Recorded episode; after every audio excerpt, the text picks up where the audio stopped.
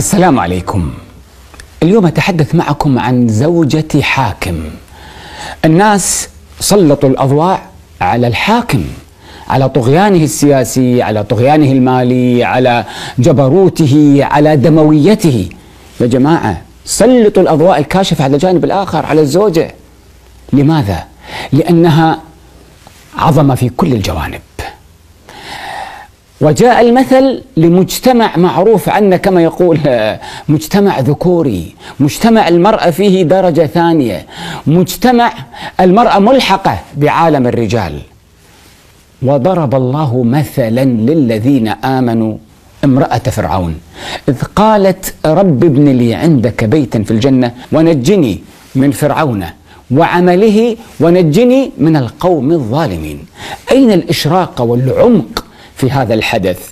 لاحظ مجتمع جاهلي ذكوري يأتي القرآن الكريم ويقول للنبي عليه الصلاة والسلام خاتم الأنبياء ولأصحابه الرجال الذين هم للتو دخلوا في الإسلام غيروا قناعاتكم واقتدوا بامرأة. ولتكن سيرتكم ومثلكم العليا هذه المرأة. تخيل تدخل على ديوانية رجال في الجزيرة العربية ولا عند العرب الأقحاح وتقول يا جماعة قدوتكم ومثالكم و هذه المرأة. في شيء من الاستنكاف. القرآن كتاب مبادئ.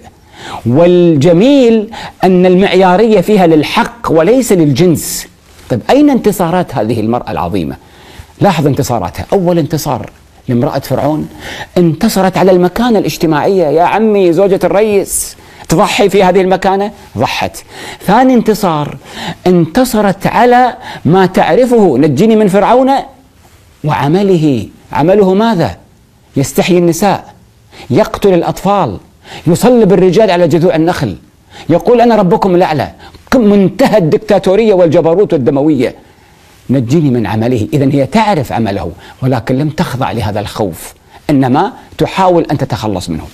ثلاثة ونجني من القوم الظالمين. من القوم الظالمين؟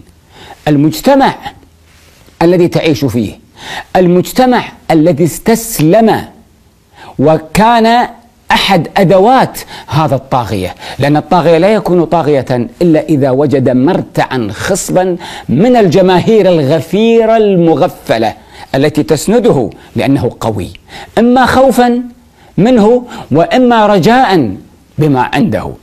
هذه المرأة وعلم الاجتماع يعرف والناس تعرف أن المرأة من خلال الضغط الاجتماعي تكون مرتبكة أكثر من الرجل. إحنا بالتالي بشر كلنا يتأثر بالتيار العام وبالضغط الاجتماعي لكن المرأة الضغط عليها يكون أكبر.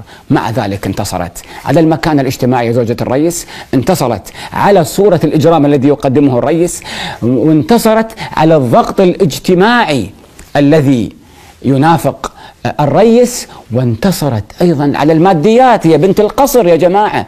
هذه الانتصارات الأربعة. أين مصدرها؟ قالت ربي ابن لي عندك بيتا في الجنة.